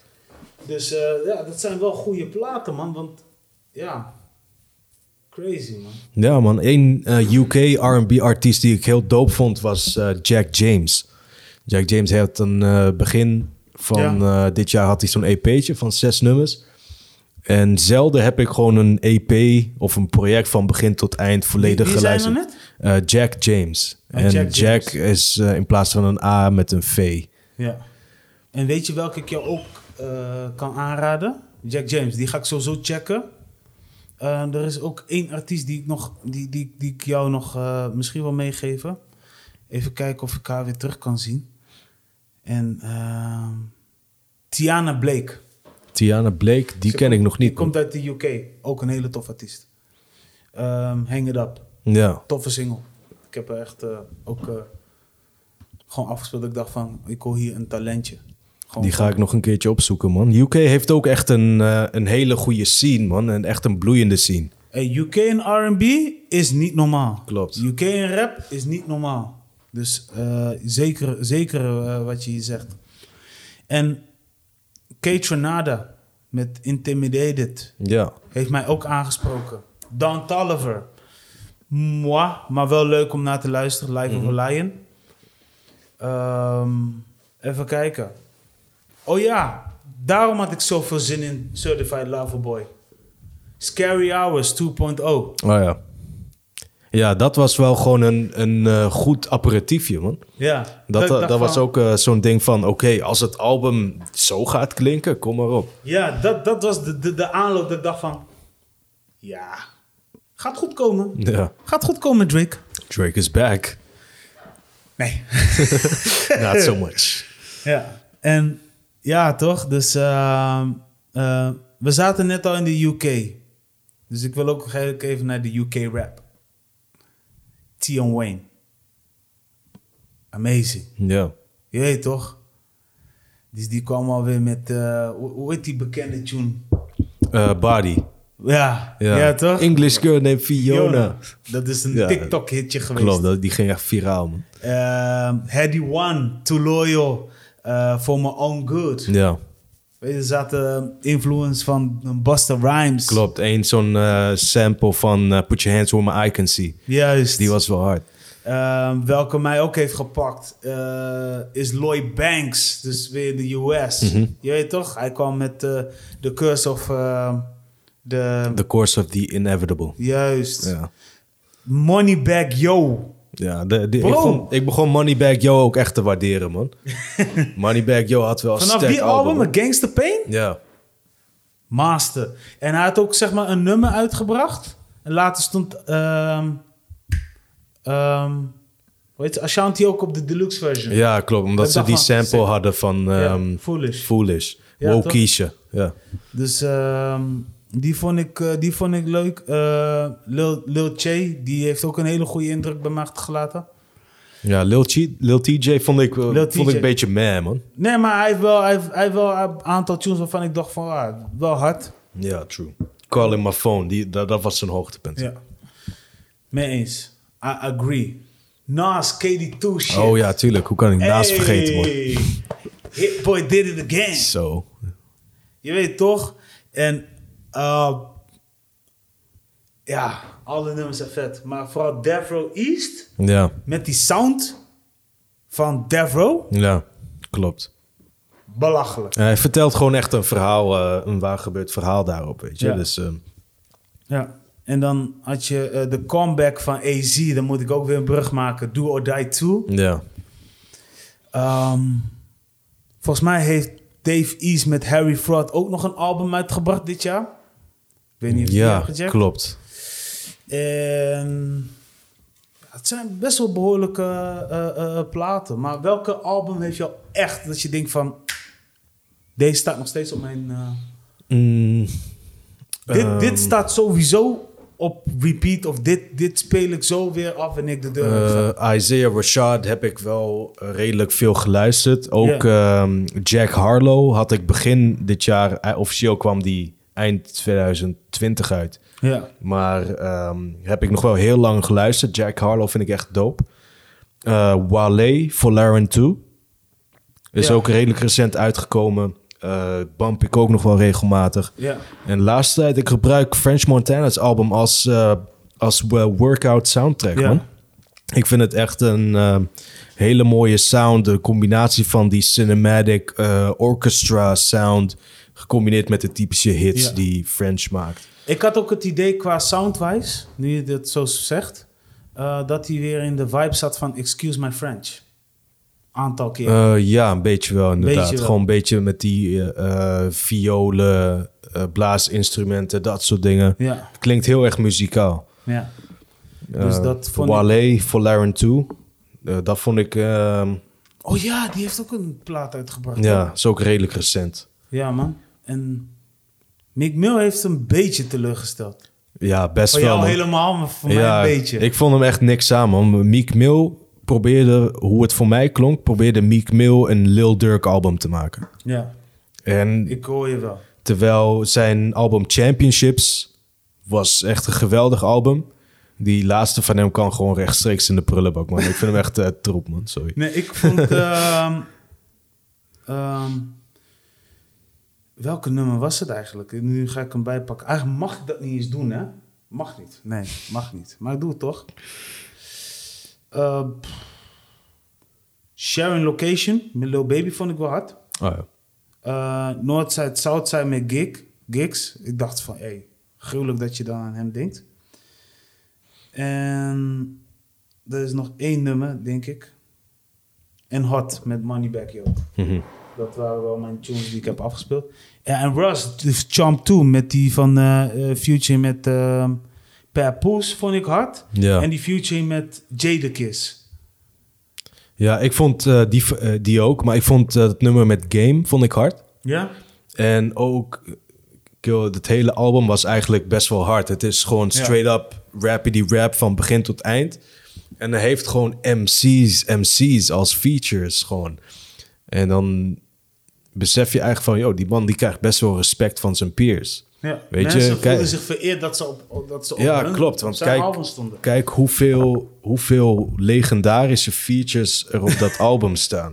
Ik pak Ja. hem even snel erbij, man. Pak jij maar erbij. Ondertussen zeg ik, don't forget to subscribe. Ransom, Papoose, Ja? uh, Westside Gun, Styles P, Big Crit, Snoop Dogg, uh. Premier, J Electronica staat erop. Uh, Sinds wanneer doet J Electronica überhaupt iets? Maar hij staat wel hier op dit album, weet je. Ja. Uh, Big Sean, Wale, Joey Badass, Hitboy, Ghostface, Conway, Saha the Prince en Lloyd Banks. Het is gewoon Ja. bars on bars on bars. En dat Bars al deze lui met hem willen samenwerken, dat geeft toch wel aan van, yo, hij heeft wel respect in de game, weet je. ja. Dat is sowieso zo. En nu je praat over raps, over bars. Weet je van wie ik ook heb genoten? Lil Wayne. Die kan soms gewoon met... Bijvoorbeeld, hij heeft volgens mij twee tunes met Corday. Heb je die wel eens gecheckt? Uh, weet ik niet. Maar hij heeft, hij heeft op aantal tunes dat ik dacht van... Yo, je bent gewoon weer op jouw Carden movement. Hmm. Weet je, dat ik dacht van... Heerlijk. Ik had een gezamenlijke tape van Lil Wayne en Rich the Kid gecheckt. Die vond ik wel wat. En die, die kon rechtstreeks in de prullenbak, Die man. Ik, ik had zoiets van, yo, ja. what the fuck heb ik gehoord net? Nee, maar hem als guest featuring, dat ik dacht van, jou, oké, lekker man. Ja. Ging er wel echt lekker op. En ehm, volgens mij had hij dit jaar ook een nummer gemaakt met, met Run the Jules. Oeh la la. Ja, de remix van Oelala inderdaad. Volgens mij ging hij daar wel hard op. Ja man, dus eh, ja man, shout-out naar de, de- naar de international artist.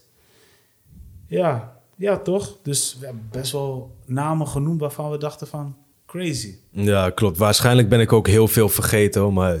Wat vond je van DMX, Exodus? eh, ik vond Ja. het lastig, man. Ik ben er niet vaak naar teruggegaan of zo. Nee. Ik eh, vond hem wel oké. Ik vond hem goed. En... ehm, ik weet niet. Voelde nog niet compleet, of wel? Nee, klopt. Het voelde nog van, hij had er nog iets moeten afmaken of zo. Ja, zoiets inderdaad. En het was gewoon... ja, ik weet niet precies wat ik ervan moet vinden. Het was goed, maar het, was goed, maar het deed niet iets met mij. Nee. Bij mij deden een aantal songs mee. Ik denk die ene met, eh, met Griselda, dat ik die wel een van de tofste vond. Ja. Ja, ik Boe, vond die- boe, boe. Ik vond die eh, Walking in the Rain vond ik ook wel heel tof. Ehm, ik vond die nummer met eh Desma Dog, Future in Deluxe. Oh ja, ja. Hey, die, die beat is... Ja, misschien moet ik er even een keertje naar terug gaan Desma. Dog, yeah. Ehm, en ik vond die, ehm, die nummer met eh, JC en Nas. Ja. Die vond ik ook hard. Maar dat was een nummer die hij al vet lang heeft gemaakt. Daar was ik zo lang aan het wachten van wanneer komt die tune uit. Mhm. Toen hebben ze het weer in een nieuw jasje gestopt. En eh, ja, weet je. eh, crazy. Toffe album. ja. Khaled was wel een teleurstelling voor mij. Khaled, Khaled was een teleurstelling. Ja, behalve Popstar. Popstar Ja, Popstar was hard. Popstar was dus de een... Dat was, dat, dat, was het hele ding van... Ik heb Ja, zin in. Khaled, ik heb zin in Drake. Ja. Let's go. En eh, die tune met Bryson Tiller en Roddy Ricch. Nee, maar die laatste nummer van Khaled kun je ook niet negeren hoor. Die danshouttune. Ja, oké, die, was, die was zo hard. Die, Kom op man, Boetje Band in de ja, Capleton. die, die, die was wel tof, inderdaad. En, en, en, en, hey, en eh, ehm, Le- Levi Barrington, dat je die in één kan krijgen? Ja, dat, dat, dat, dat is inderdaad wel heel dope. Crazy man. Dat ik dacht van, ja, dat is mijn shit. Nee, ik, ik vond Body in Motion met Bryson Tiller vond ik wel dope. En die van Her en Migos was op zich ook wel dope. Maar Ja. voor de rest, het voelde heel erg gewoon geknipt en geplakt en ge-e-mailed. Ja. Het klonk gewoon ge-e-mailed, weet je. Ik Dus vond die nummer van Nas en JC vond ik ook niet dat was tof. ook een beetje mee. Kijk, voor JC is die tempo tof, maar voor Nas was die tempo niet. Voor mij, dat is mijn opinion. Dan was hij te slow of zo. Ja. En ja, ja, dat zijn wel toffe dingen. En eh Roddy Rich heeft ook net een album uitgebracht.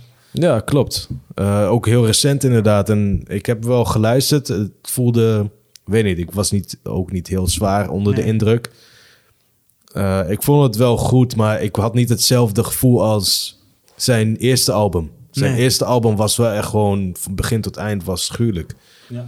En sommige nummers stonden erop als interludes op het laatste album, Ja. Live Life Fast.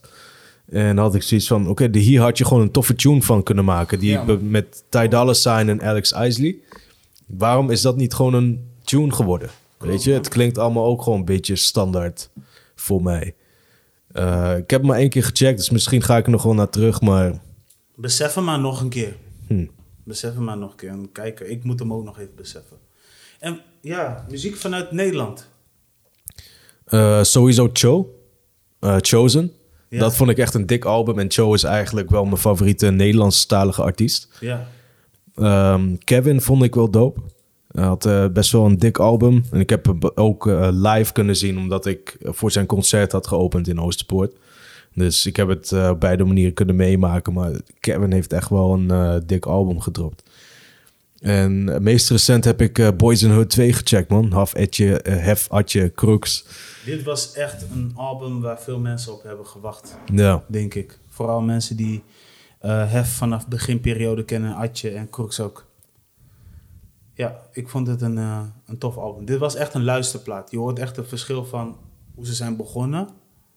En je hoort waar ze nu staan in hun leven, life lessons. Eh, goed album trouwens. ja het is een heel volwassen, volwassen album ook. En dit was ook een aanloop naar een nieuwe, eh, eh, naar de tweede deel van hun eh, komende platen. Want Atje en Rivers komt met de album, Hef Vermogen 2 komt en Absentie deel 2. Mhm. En Freddy en Bundy deel 2 komt ook. Dus ze komen dus vanaf begin 2020 elke maand met een album. Dus daar, daar heb ik dan wel weer zin in als ze Ja. zo aankondigen, toch? Dus eh, ja, en, en ik vind Atje wel de most consistent eh, eh, artiest van Nederland. Tegelijkertijd ook wel underrated. Ja, Als je nagaat, hij staat bijna bij elke featuring. Of het nou een hit is, of het nou geen hit is.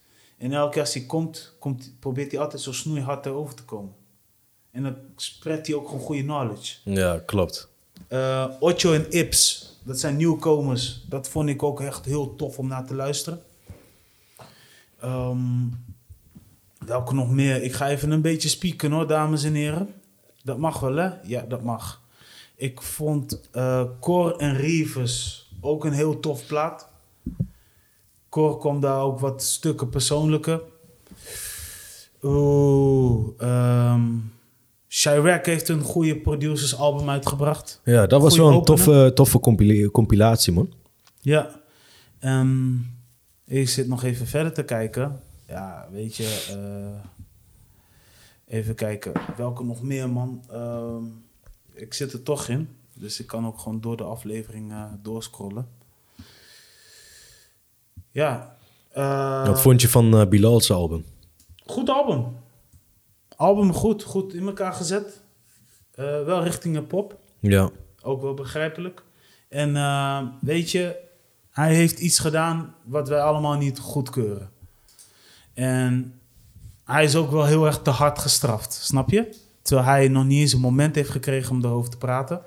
Maar los van dat, hij, doet het goed, sowieso. En eh, ik, ik luister album altijd graag. Hoe, hoe denk jij erover? Ik vond hem ook wel grappig, inderdaad. Ik had zelf had ik het wel toffer gevonden als hij wat meer richting R&B ging. Maar aan de andere kant, ik kan de veelzijdigheid ook wel waarderen. Weet je? Ja, toch? Ah, ah, ah.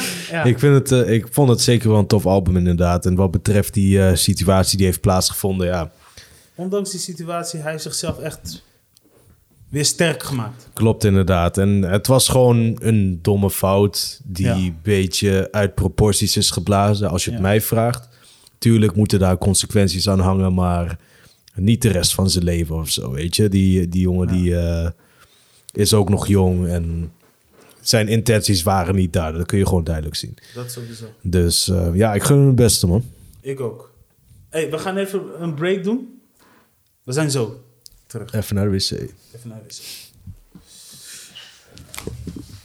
Ik moet even Sherissa bellen, want ik zet tegen 10 minuten. Oh, it's all good, man.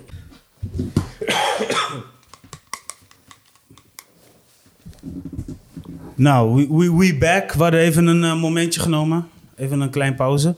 Maar jij was eh, gestopt bij... Waar waren we? We, ik wenste Bilal het beste.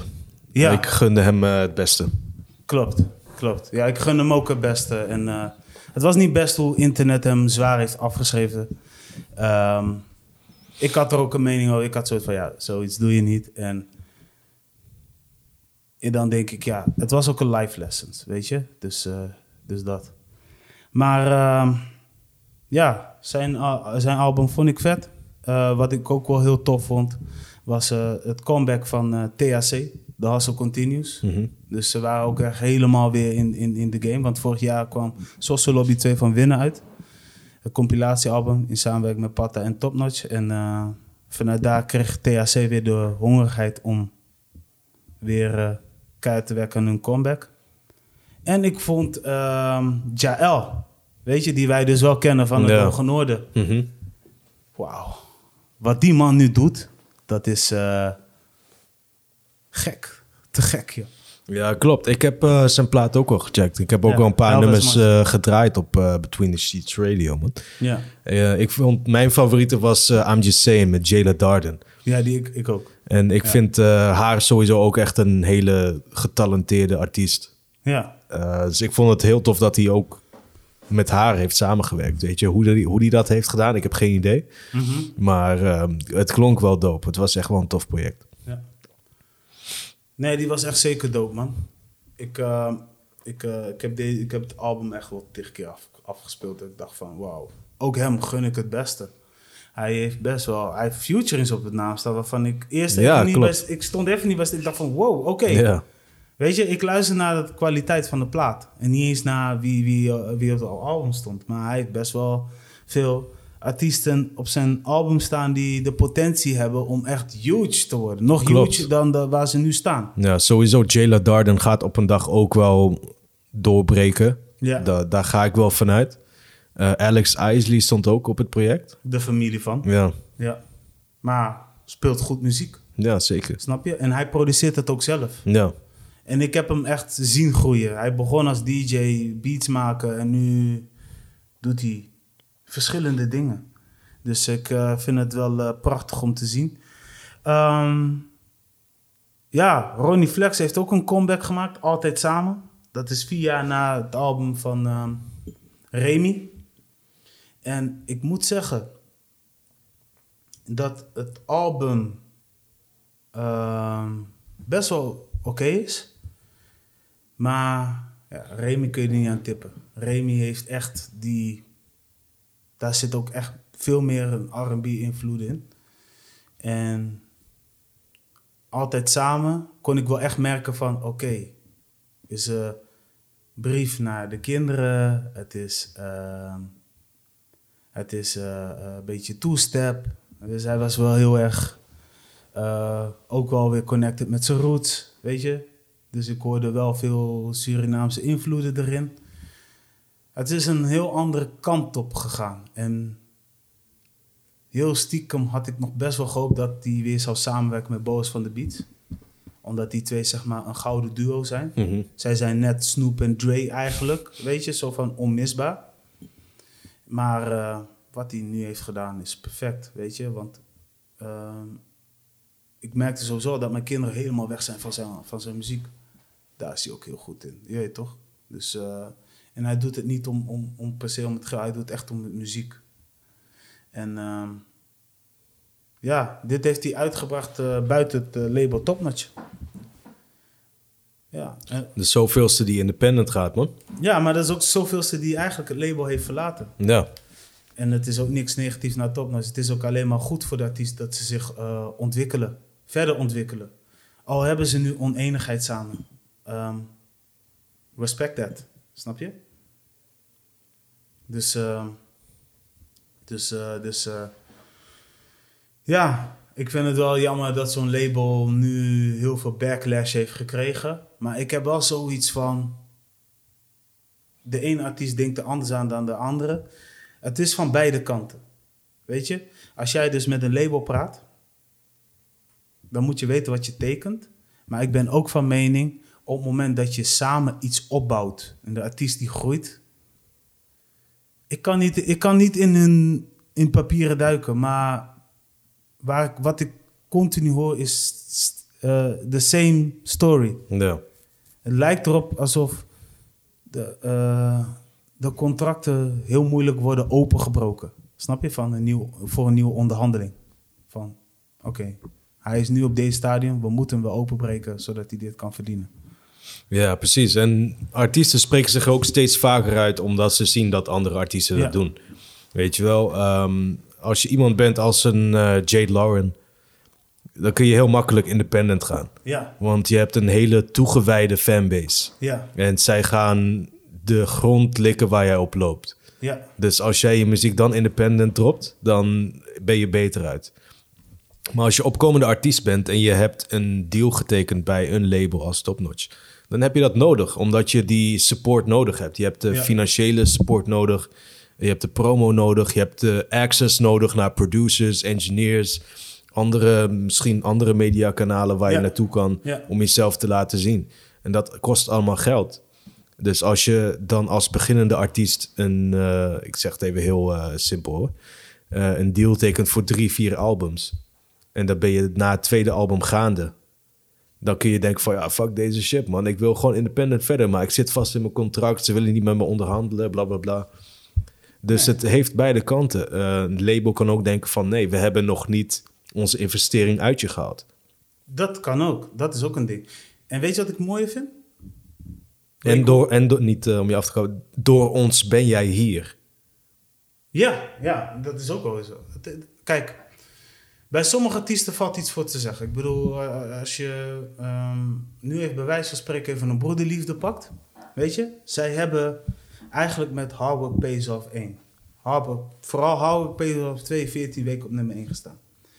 En daarna is eh, een album uitgekomen. Nog een album. Weet je, als zij bijvoorbeeld een deal hebben van vijf albums of zes albums, weet ik veel, noem maar wat. En ze zijn eigenlijk al bij eh, project nummer drie al succesvol. Ja, ligt eraan hoe de vibe is, maar op zich zou je daar best wel een soort van kunnen praten van. Jullie zitten nu op dat stadion en wij hebben nu alles eruit gehad, snap je? Dus, maar ja, weet je, het is ieder voor zich. Ik, ik, ik, zit, ik zit niet helemaal in die, in, die, in, die, in die game als in onderhandeling. Ik weet alleen dat het een probleem is dat mensen daar veel over hebben. En dat vind ik gewoon zonde van de artiesten, hun creativiteit. als ik zeg maar... Ik heb laatst dus een interview gezien van Ray bij eh, Drink Champs. Dat Noriega vroeg van... hè, een dilemma-vraag. Ga je voor independent of ga jij voor major deal? En als je niet van die twee kiest, moet je drinken.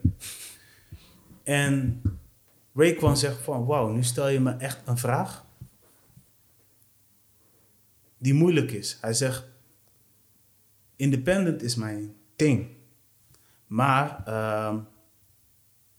ehm, major deal is ook een ding. Maar dat zie ik meer als een life lesson. Dus daar leer jij, tenzij je er ook voor open staat, wat zich achter de schermen speelt. En wat er allemaal bij komt kijken voordat je een album uitbrengt. En dat vond ik een heel mooi antwoord. Dat vind ik ook een heel mooi ding om daarmee af te sluiten. Maar dat ik dacht van, ja, hoe hij het uitlegt, maar hij zit ook al jaren in de game. Ja. Het is mooi dat zo'n persoon zegt tegen de youth, tegen de opkomende artiesten. Major deal moet je zien als een life lesson. Gewoon dat je hebt geleerd van wat je hebt getekend. Tenminste, hij vertelt vanuit zijn perspectief. En wat zij dus mee doen, moeten ze zelf weten. Maar vanuit daar leer je zeg maar van wat er allemaal bij komt kijken om een muziek te distribueren. Ja, het is eigenlijk een leerschool van de industrie, man. Als je Ja. opkomende artiest bent, je weet misschien niet hoe, eh, hoe, hoe dingen werken, hoe de business is, hoe bepaalde mensen achter de schermen denken. Ja, Ehm, soms kan het een business zijn die niet 100% eerlijk is. ja, En dat leer je dan op zo'n manier, weet je. En het is een veilige manier om, of ja, relatief veilige manier om dat soort dingen te leren. Omdat je ook het vangnet hebt van een label die ook nog eens promo voor je doet, eh, dingen voor je faciliteert. Dus ehm, ja, het is eigenlijk inderdaad een leerschool. Op een gegeven moment, als je uit je contract bent, kun je kiezen van... hey, heb ik hun nog nodig? Of Ja. doe ik het zelf? ja man. En dan eh, is het aan jou. dat sowieso. Ja man. Lijkt me goed om eh, de show af te sluiten bro. Ja, toch? We hebben genoeg benoemd. Ja. We willen nog meer praten. We Maar, kunnen eh, zo vijf uren vullen, maar op een gegeven moment... Nee, dat houdt het ook op. Ik wil je sowieso bedanken. En eh, to be continued. Wij eh, zien elkaar weer bij Evenwicht de Music Show. Hopelijk. Sowieso, man. Eh, thanks for having me. Love up. Derde keer volgens mij. Vierde keer? Zoiets. Nou, ja. Ja. Derde keer? Even kijken. Seizoen 1, 2, 3. Vierde keer hoor. oh shit.